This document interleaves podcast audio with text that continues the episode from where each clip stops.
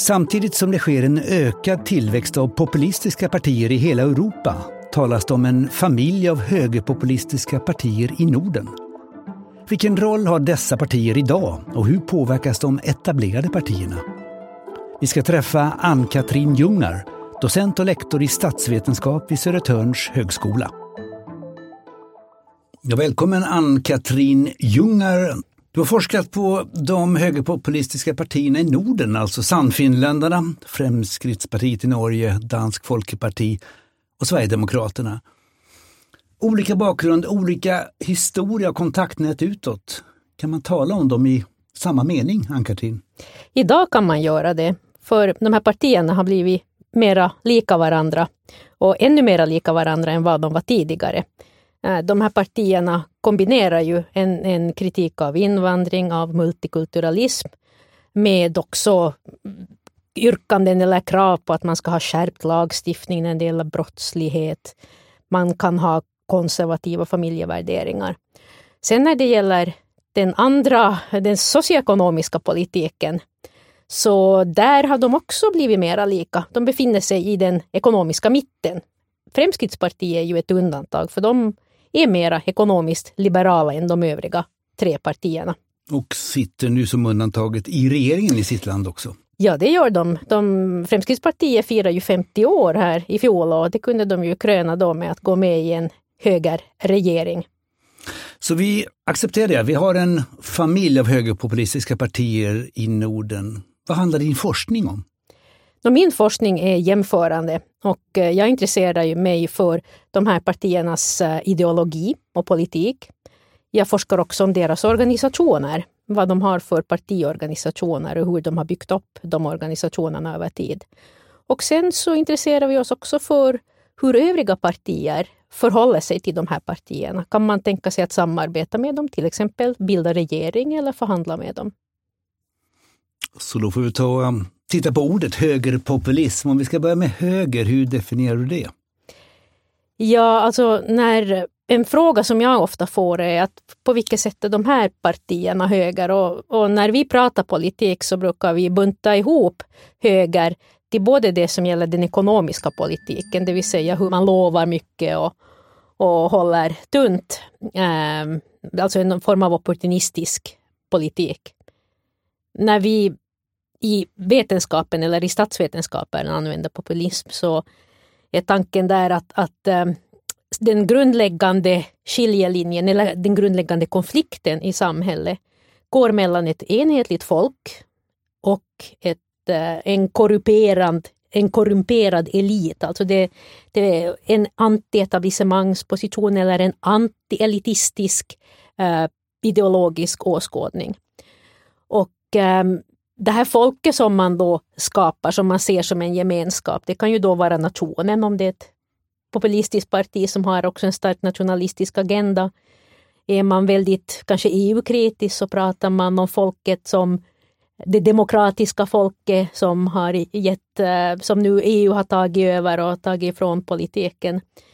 Eller det kan vara mannen på gatan, det vill säga att politiken det är bara eh, de som har mycket pengar och som är akademiker och, och sådana som är välmående som kan påverka politiken. Och då vill man säga att nu ska vanligt folk ha mera att säga till om. Och man ska lyssna mera till vanligt folk och vad de tycker.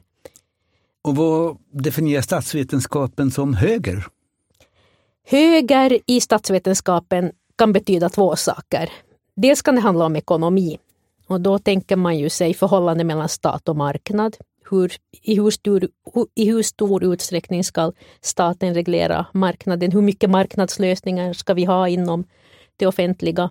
Det handlar ju om synen på skatter och framförallt om man ska ha en skattefinansierad välfärdsstat. Det är ju en typisk ekonomisk höger, eh, hö, högerdimension. Men sen finns det ju också höger när det gäller politiska värdefrågor. Och då handlar det ju framför allt om hur man ser på eh, globalisering, eh, inte enbart då i marknadsmässig utan invandring. Eh, det handlar om, om multikulturalism, alltså hur man ser på traditioner, på religion, familjepolitik, jämställdhet, synen på sexuella minoriteters rättigheter. Och idag när vi statsvetare försöker Eh, förklara det politiska rummet där de politiska partierna konkurrerar om, om våra röster eller gör sin politik så, så kan då partier vara, um, de kan stå till höger när det gäller värdefrågor och Eh, stå till höger när det gäller ekonomiska frågor och där har vi ju de traditionella konservativa eller kristdemokratiska partierna. Och de partier som står till vänster socioekonomiskt och är liberala, eh, det är ju framförallt vissa vänsterpartier och också gröna partier de här högerradikala partierna de kombinerar ju då oftast och i allt högre utsträckning numera då en mittenposition i den ekonomiska politiken med då en auktoritär, en mera värdekonservativ position på den här andra skalan. Kan du ge ett exempel? Ja, Sverigedemokraterna är väl ett typiskt exempel på det. Man befinner sig i den socioekonomiska mitten. Det är därför man ju oftast talar om att Sverigedemokraterna har, en vågmäst, har haft en vågmästarroll. De har ju delat dem med de gröna nu under den senaste riksdagsperioden. Och det kombinerar de ju med en stark invandringskritik. De är också relativt värdekonservativa när det gäller sin familjepolitik, jämställdhetspolitik, ehm, också när det gäller då eh, vissa gröna frågor, inte alla. Så det är väl ett, ett, typiskt exempel. Och sen så är de ju EU-kritiska. Alltså man kan säga när det gäller EU-politiken så det, den, den, den, kan man inte placera på någon av de här dimensionerna utan det, det är en helt fristående eh, vad ska man säga, dimension i, i våra partisystem idag. Du måste vara sällsynt lämpad för denna forskning med tanke på att du är finlandssvenska och talar alla språk i dessa fyra länder det är kanske en anledning till att, att jag håller på med nordisk forskning, men jag har också bott eller varit under längre tider i alla, nordiska länder, i alla de nordiska länderna, förutom Danmark. Eh, då, så att jag har alltid haft ett starkt nordiskt intresse. Varför jag frågar är för att man undrar också, även om man kan språken, kan man forska om detta som är så politiskt laddat? Det är väl kanske det som vi måste forska om. Alltså när det händer saker i våra samhällen så försöker ju vi förstå och förklara varför det här sker och det är väl vårt uppdrag. Sen kan det naturligtvis vara svårt att forska om någonting som pågår ehm, för man kanske inte har den, den överblicken av det hela. Men vill vi förstå vad som sker i våra samhällen, vi får nya partier, vi får väljare som agerar annorlunda, de gamla partilojaliteter byts ut eller man använder andra sätt att försöka påverka politiken. Och vi har i vissa länder, inte i Sverige, men ett, ett ökat politiskt misstroende. Vi ser ju en, en tillväxt för eh, populistiska partier eller antietablissemangspartier uh, i hela Europa. Så det är ju någonting som vi vill förstå. Det har ju stora konsekvenser för, för våra samhällen, vad vi kan göra och hur vi kan hantera olika eh, de kriser som vi har idag.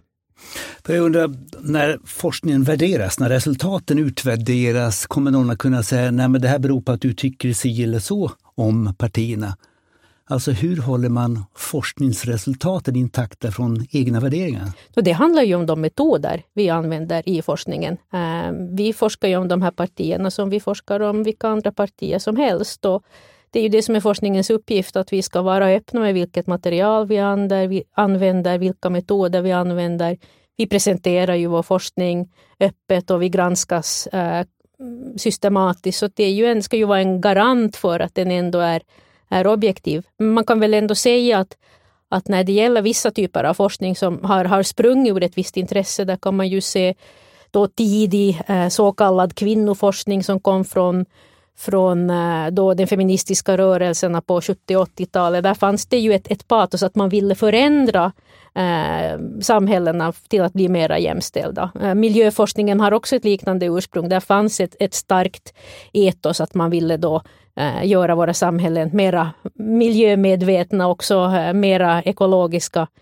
Eh, medan i, när det gäller då forskning om extremism eller radikala politiska rörelser och framförallt då högerradikala rörelser så, så med tanke på den historia vi har haft i Europa och vad som pågår så, så har det också varit en väldigt normativ laddning eh, kring den forskningen men på ett motsatt sätt. Att, att de som har forskat om det här har varit, också velat motarbeta det här med forskningen. Men, men där tycker jag nog man ska göra en åtskillnad för då kan ju den här att man har det starka patoset kan ju ibland göra att man blir lite blind. Men det finns ju en väldigt välkänd eh, filosof eh, och vetenskapsteoretiker, eh, Karl Popper. Och han, hade en, en, han formulerade här att när man forskar så finns det någonting som heter context of discovery, alltså vad är det som gör att man börjar forska om en viss fråga?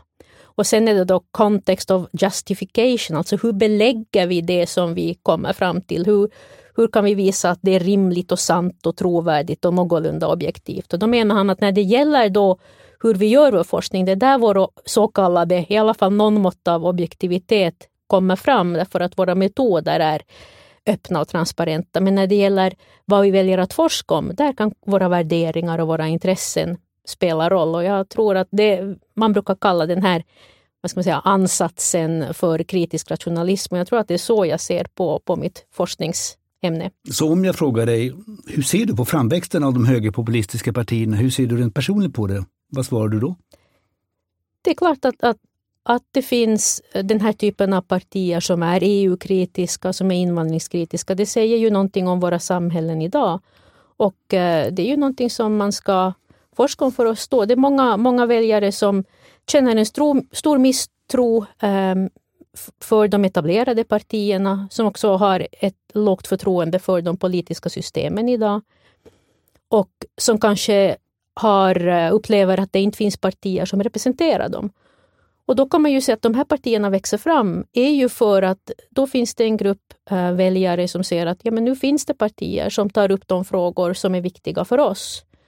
Och äh, man väljer då att rösta på dem. Och då kan man ju fråga sig, är det bättre att de här partierna mobiliserar sig inom ramen för de politiska demokratiska systemen istället för att vi har en stor grupp medborgare som väljer den representativa politiken ryggen och inte går och röstar. Så de här partierna har ju en mobiliserande funktion. Så låt oss gå till dina forskningsrön. Då. Varför är de här partierna ofta EU-kritiska? De kan vara EU-kritiska av två anledningar. Um, dels så är, representerar ju EU ett etablissemang, en politisk och en byråkratisk och även också en, en, en ekonomisk elit eftersom EU-projektet till stor del har varit väldigt marknadsliberalt. Och de här partierna är ju ofta antietablissemangspartier. Det är ju det som är en del av det populistiska i de här partierna. Så EU-projektet representerar ett elitprojekt och som har en, en, en svag förankring hos medborgarna. Och det är ju precis vad vi ser i Europa idag med Eh, de många EU-kritiska partierna som det går väldigt väl för nu inför i opinionsmätningarna inför för EU-valet. Partier då som har en väldigt stark nationalistisk agenda, alltså som har sitt ursprung i nationalism i likhet med Sverigedemokraterna. De är ju också emot EU därför att, att de ser ju att nationen det är rummet där eh, folkstyrelsen ska, ska vara. Liksom demokratin är så tätt sammanbunden med, med nationen. Och då ser de att alla överstatliga projekt, och i synnerhet överstatliga projekt som EU, där man faktiskt delegerar beslutsmakt till EU, är i strid med den uppfattning de har om, om både nationen, vem som ska utgöra den demokratiska församlingen och också förstås det att man har gett beslutsmakt till någon annan. Så det finns två eller till och med tre typer av, av eh, kritik av EU-projektet hos de här. I din eh, artikel Populist Radical Rights Parties in the Nordic Region, A New and Distinct Party Family, så pekar du på att det finns en skillnad mellan högerpopulister i Västeuropa och i Östeuropa. Berätta om det. Skillnaden är ju att uh, de här högerpopulistiska partierna i de gamla västeuropeiska demokratierna har eh, invandringen som en av sina eh, starkaste eh, eller mest profilerade frågor. Och de är ju också kritiska då till multikulturella samhällen eller multikulturalismen i de centrala och östeuropeiska länderna så har inte haft i samma utsträckning lika stor invandring utan där så, så riktas då kritiken framförallt mot de egna minoriteterna. Det kan ju gälla då framförallt romer men också andra etniska minoriteter som finns i de här samhällena. Sen kan man väl allmänt säga att nationalismen har spelat en helt annan roll i de centrala och östeuropeiska eh, yngre demokratierna. Därför att när de efter 1989 och, och murens fall och när de här nya eller nygamla staterna bildades så, så kom inte våra gamla ideo politiska ideologier att spela så stor roll för hur partisystemen utformades, utan det handlar ju mycket om nationen och statens roll. Så att nationalismen har rent generellt en mycket större betydelse, i alla fall under en, de första 10-15 åren för de här partisystemen. Ehm, när vi har den här relativa osäkerheten var de står i politiska termer på den socioekonomiska skalan, ibland centralt i de mer auktoritära värderingarna, mera till höger och så detta med öst-väst, så har du talat om en tredje dimension. Vad är det? Den tredje dimensionen, alltså man kan säga så här att, att det som sker, har skett med de här partierna är det att att um, tidigare så sa man att den mest framgångsrika eller vinnande formen för de här partierna var att kombinera då så kallade värdekonservativa positioner, alltså dit hör ju också invandring plus EU-kritik, med en ekonomisk liberal position. Så har det sett ut i, i många av de europeiska um, länderna. Och det som sker nu är att vi ser att, att eh, till exempel Front National eh, har flyttat sig mot mitten under Marine Le Pen. Också Gert Wilders i eh, Nederländerna som, lever, som leder då Frihetspartiet. Så att man ser att de, de, de konvergerar på den, den dimensionen. Sen finns det vissa undantag när det gäller då värdekonservatismen. Det är ju så att, att alla partier som, är, som då är invandringskritiska inte nödvändigtvis är värdekonservativa. Och här är väl Holland det mest tydliga exempel, exemplet. Eh, Pim Fortuyn då som, som eh, bildade eh, ett parti som bar hans eget eh, namn eller som kallades för Pim Fortuyns parti under vissa perioder så kombinerade också eh, värdeliberala positioner. Alltså man var positiva till eh, ja, homosexualitet, till olika typer av, av eh, liberala demokratiska värderingar. Och man ser också i ökad utsträckning att man, man, flera av de här partierna eh, gör det, alltså när det gäller familjevärderingar. Och det är ju därför att då kan man positionera sig i en motsatsställning till islam. Alltså man säger att islam är inte förenligt med våra västerländska friheter och, och värderingar och därför så då tar man mera värdeliberala. Att vi är de som eh, företräder yttrandefriheten, eh, jämställdhet, kvinnors rättigheter, olika sexuella minoriteters rättigheter. Och det här kan, man ser det också när man studerar de här partiernas väljare, att de tenderar att vara mer liberala i de här frågorna än, än sina partier. Och, och det gäller framförallt också i de nordiska eh, länderna. Så hur har då de högerpopulistiska partierna i Norden påverkat de etablerade partierna? Det beror ju på hur ja, deras inflytande och deras påverkan på, på våra samhällen beror ju då på hur de etablerade partierna Eh, förhåller sig till dem. Eh, I vissa länder så har ju, eh, sitter ju de här partierna i regeringen. Vi pratade ju nyligen om Fremskrittspartiet och Fremskrittspartiet har ju fått gehör för vissa av sina frågor när det gäller en skärpt invandringspolitik. Ehm, Lega Mordi i Italien har suttit i regeringen under, lång per, under flera, flera perioder och har också kunnat påverka eh, vissa delar av när det gäller invandringspolitiken. De här partierna har också varit stödpartier. Jag menar det som är närmast är väl Dansk Folkeparti som under mer än tio år var ett stödparti till en dansk centerhögerregering och under den perioden så kan man ju säga att det var ett paradigmskifte i den danska invandrings och asylpolitiken och integrationspolitiken eh, framför allt. Det finns flera exempel på där de här har suttit har haft en, en, en möjlighet att påverka eh, regeringens eh, politik. Sen finns det ju ehm, andra, mm, man kan säga det andra extrema är ju då när man isolerar de här partierna. Ehm, så var det ju inledningsvis med Dansk Folkeparti. Man sa att det var inte ett, ett rumsrent parti. De kommer aldrig att sitta i regeringen. Det var den dåvarande socialdemokratiska ministern Rasmussen som sa det och två år senare så var de ett stödparti till en centerhögerregering. Men eh, näraliggande är förstås Sverigedemokraterna som är ett så kallat, man kallar det ett paraya-parti. Och man, det som de övriga svenska parlamentariska partierna gör det är att de har ett cordon sanitaire, alltså de i och med att de säger att de inte förhandlar med Sverigedemokraterna, de tänker aldrig bilda regering med de här partierna, så försöker man ju då utesluta det här partiet. Och det har man också har man tillämpat också i Belgien mot eh, äh, Flams Belang. Så att, så att det finns från, eh, från den ena ytterpositionen ehm, till, till den andra. Sen kan ju också partier anpassa sig till dem, att man förändrar sin retorik. Alltså det gör man ju mycket politik idag, att man försöker plocka varandras frågor i syfte att försöka då locka till sig de här partiernas väljare. Och det ser vi ju också att vi framförallt så har ju centerhöga partier i ökad utsträckning börjat tala om, tala om invandring när det blir en stark eh, tillväxt av de här partierna eller när det gäller då EU-frågan. Man kan ju bara tänka på Ukip eh, i Storbritannien och vilken roll det EU-kritiska partiet har haft för eh, den brittiska Camerons agerande när det gäller Storbritanniens förhållande till, till EU. Jag menar att man ska hålla en folkomröstning. Han har utlovat att man ska ha en folkomröstning om EU. Så det är klart, det beror helt på hur, hur de övriga partierna agerar. Och hur man, det är ju förstås ett strategiskt agerande.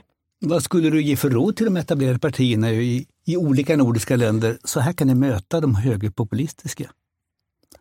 Det är ju svårt att ge några generella råd, men om man då ser på hur det har, vad som har skett i Belgien där man under en lång tid har tillämpat en sån här isolering gentemot flamsbelang. Så nu, det som du kallar för korridor sanitär som översatt ja, betyder ungefär en, en... Det är en isolering helt enkelt. Att man, man, inte, man, man, man förhandlar inte, man pratar inte man, man med det här partiet.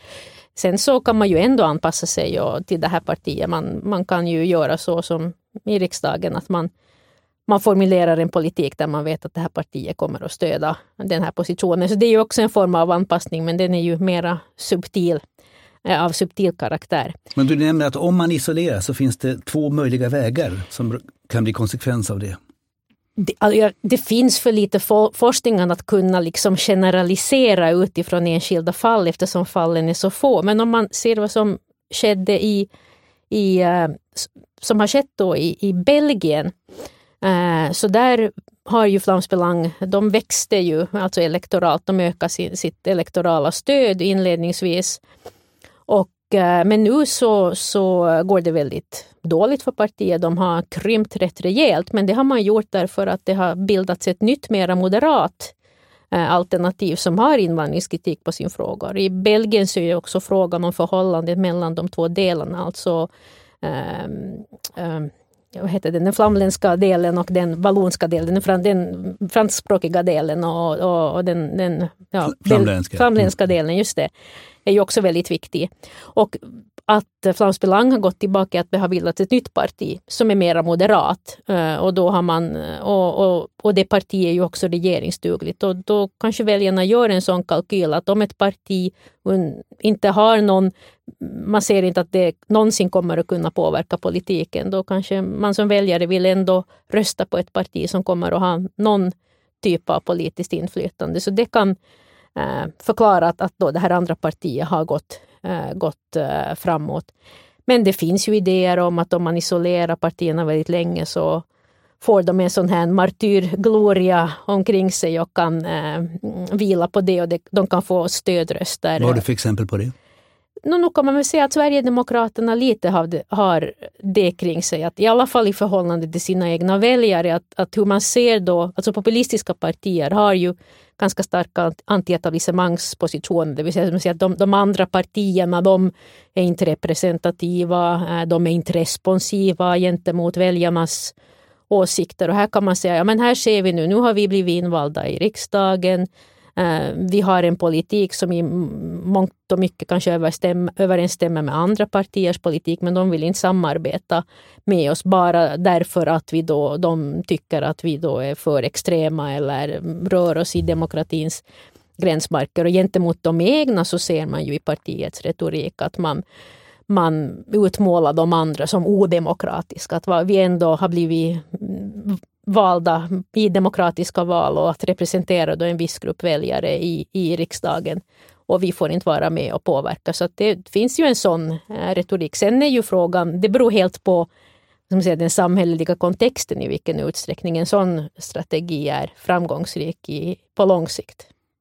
Så med ledning av vad du har sagt, var finns ett politiskt utrymme för grupper i närheten av detta? Mera moderata, mera radikala eller vad? No, där är väl det här exemplet från Belgien. Är man, man, alltså de här partierna så Alltså de här partiernas positioner i det parlamentariska systemen beror ju långt mycket på, på hur man ser på dem.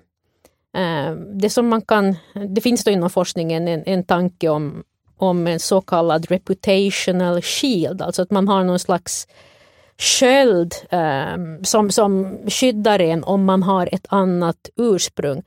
Många av de här partierna i Europa idag som vi kallar då högerpopulistiska eller högerradikala har inte ett nationalistiskt ursprung eller har kanske inte överhuvudtaget haft invandringskritik eller EU-kritik på sin politiska agenda, utan de kan ha börjat som regionala partier eller som agrarpopulistiska partier. Uh, och förstås, sen finns det ju sådana som i likhet med Sverigedemokraterna har en, ett nationalistiskt ursprung. Men de partier som har börjat som någon annan typ av partier, regionala partier eller så de är oftast, de har en legitimitet redan, de blir inte ifrågasatta utifrån sitt ursprung. Ehm, medan då de partier som har eh, ett nationalistiskt ursprung, till exempel om man tänker sig FPÖ i Österrike, när de deltog i regeringen i Österrike då början av 2000-talet, då blev det ju en jättestor bojkott från hela EU, där EU ville bojkotta Österrike för att de hade tagit med FPÖ i regeringen.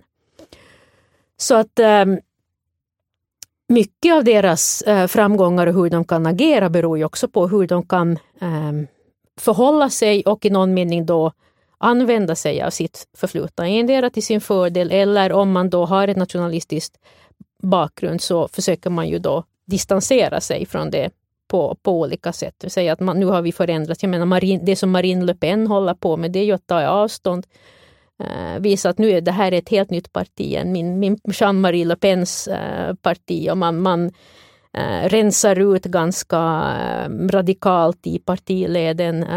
Man sätter munkavle på vissa gamla medlemmar och grupper. Man försöker också förändra partiets profil när det gäller socioekonomiska frågor. Marine Le Pen vänder ju sig också väldigt mycket till, till kvinnor, alltså kvinnor som jobbar inom eh, vad ska man säga, inom tjänstesektorn, alltså inom affärer, butiker, det som vi så kallar kommunal här och det gör ju Sverigedemokraterna också. Så att man, man försöker liksom bli relevanta partier, inte enbart på, på vissa eh, gamla profilfrågor utan bredda sin eh, repertoar och därmed förstås också bli mera trovärdiga både inför väljarna och inför övriga partier.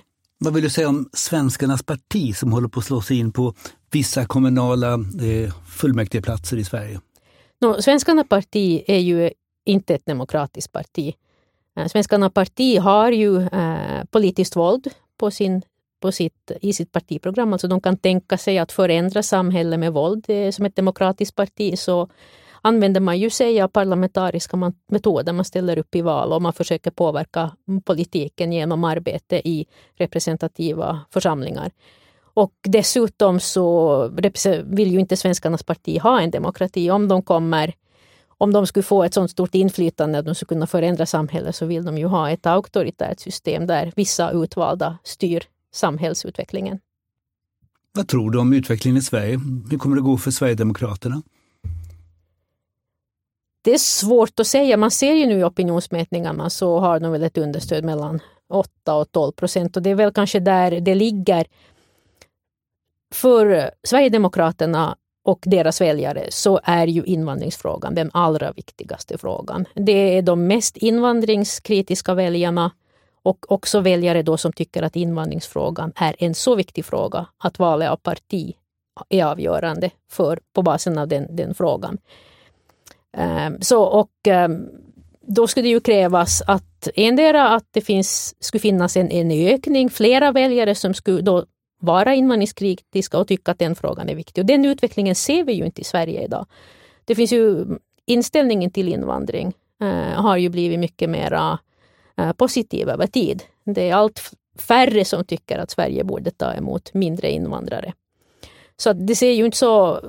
Där har Sverigedemokraterna inte liksom en ökad vad ska man säga, reservoar att hämta väljare på. Och det som de gör nu är ju att försöka bredda sin eh, politik också, att få trovärdighet i flera eh, frågor. Alltså, och där ser man ju hur man då...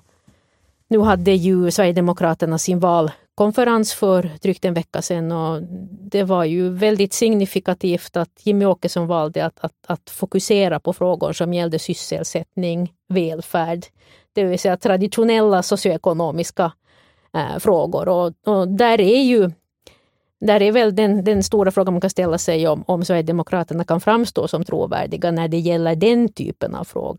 I din artikel så säger du också att det här är väldigt ofta partier som domineras av män. Vad betyder det för deras framtida potential? Ja, de, alltså, när man ser på Sverigedemokraterna så nu i sin kandidatnominering så försöker man ju ha en, eller har man ju nominerat flera kvinnor eh, när det gäller som kandidater både till, eh, på sin riksdagslista och eh, i kommunalvalen. Och sen försöker man ju också då formulera en politik. Man vänder ju sig allt mera mot kvinnor och man kan säga att här är, finns en likhet med Marine Le Pen. Man vänder sig till kvinnor som, som jobbar inom äh, välfärden, alltså hälsa, alltså sjukvård, äh, omsorgsfrågor och där har de ju lyft upp frågan om rätten till heltidsarbete som har varit en, en gammal socialdemokratisk fråga som nu Sverigedemokraterna har gjort till en profilfråga. Så att det, man försöker ju både när det gäller att ha, äh, vad säga, modeller i partiet eller visa att det finns kvinnor som stöder eh, Sverigedemokraterna, att man har kvinnliga kandidater men man också försöker också förändra sin, sin politik så att den ska då locka flera kvinnliga väljare. Ann-Katrin Ljungar, du har nu nyligen fått forskningspengar för en bredare systematisk jämförelse för studien Hur påverkas regeringsbildningar av populistiska högerradikala partier? Och då ska du ut runt i Europa och titta på det. Varför bredare systematisk jämförelse? Har det fattats? Det som vi kommer att göra är ju att studera då EUs, eh, ja det blir ju 28 eh, medlemsstater. Och eh, vi kommer ju jobba utifrån stora eh, databaser. Ehm, så att det finns mycket ehm, existerande data. Och det är ju för att förstå vilken betydelse får de här partierna för regeringsbildningar och parlamentarismen i, i, i Europa. Och vi kommer att kombinera det här med, med fallstudier. Och, um, det finns man kan säga det finns två olika idéer. Dels är det ju det då att de här stärker uh, uppkomsten av, av center-höger uh, regeringar. Och uh, det finns ju exempel på det i Europa som jag nämnde tidigare här med att Dansk Folkeparti stödde en center-höger-regering. Det gjorde, gjorde också Gert Wilders var ju ett stödparti för en center-höger-regering. Lega Nord samarbetade med Berlusconi under lång tid. I Italien. Ja, i Italien. Eh, sen finns det andra som menar att, att de här partierna eh, bidrar till att det blir nya typer av regeringskonstellationer. En del är att det skapas över stora koalitioner för att man vill utesluta de här partierna från politiskt inflytande eller att man då eh, bildar eh, vad ska man säga, blocköverskridande koalitioner. Så, att, så att det är väl det som vi vill vi vill studera. Men sen vill vi se också vad, vad är det för typ av ministerportföljer de får. Um, vilka länder kommer de med beroende på hur stort uh, elektoralt inflytande de har. Vilken position de har på den socioekonomiska dimensionen. Den brukar anses vara avgörande för, för om man eh, blir aktuell eh, för en, en, en regering eller inte. Och också om de får inflytande på på politiken. Sen finns det ju också en idé om att de här partierna som har då antietablissemangspositioner, att de har en större benägenhet att förlora röster om de sitter i regeringen än andra partier. Och man brukar också säga, men hur kan ett populistiskt parti vara ett regeringsparti? För då är man en del av det politiska etablissemanget. Och det som man nu då ser utifrån de partier som har varit med så klarar de sig rätt väl väljarmässigt också efter att ha suttit med i regeringen. Dansk Folkeparti är väl ett tydligt exempel på det. I andra fall så kan de ha, till exempel Lega Nord har ju förlorat väldigt mycket stöd eh, under längre tid, men det har inte berott på att de har suttit med i regeringen, utan det är på att det har varit då skandaler inom det egna partiet. Så att regeringsdeltagandet tycks inte inverka mera negativt på de här partierna än vad de gör på, på andra partier. Och slutligen Ann-Katrin Ljungar, som handlar om forskningens roll i samhället. Med dina rön, vad, vad ska vi ha dem till? Varför man behöver eh, förstå politiska förändringar. No, dels handlar det väl om att, att eh, vi behöver ju förstå vad som sker i våra samhällen. Jag menar om det finns en stor andel väljare som känner ett stort politiskt misstroende. För de väljare som röstar på de här partierna, de är mera missnöjda med politiken än andra. Eh, de har mindre förtroende för politiska institutioner. Och det är väl, tror vi på ett demokratiskt samhälle så vill vi ju ändå att de politiska institutionerna i någon mening eh, ska, ha ett, en, ska vara, ha, ha ett förtroende hos, hos medborgarna. Och då är det väl viktigt att studera varför så är fallet, alltså förstå de, de här, den här politiska utvecklingen. Och sen så är det väl också viktigt att, att då lyfta upp på bordet varför det är så här. Beror det på de etablerade partiernas agerande? Jag menar nu när man ser, jag tycker att det är väldigt viktigt att tänka på nu inför EU-valen att det är ju inte bara högerradikala partier som går fram, utan det är ju EU-kritiska partier som går fram. Och det handlar ju någonting om, om EU-projektet och, och hur det är. Och, och det stämmer ju också de etablerade partierna till eftertanke att, att uh, också uh, gå ut och kommunicera och prata och skapa opinion kring EU-projektet. Nu har vi ju många som skapar en negativ opinion kring EU-projektet och kritiserar det och nu är det väl upp till de som har Ehm, stött det här projektet, har varit tonangivande i hur EU har utvecklats, att också gå ut och förklara varför gjorde vi det här. Så att det, det är ju ett sätt att, att också kasta ljus på. Och på så sätt så kanske vi också i någon mening påverkar det som, det som sker. Och det är väl inte heller helt illa, utan att vi, vi kan ge ett bidrag till, till vad det som, som föregår. Ann-Katrin Ljungar, tack så mycket. Tack ska du.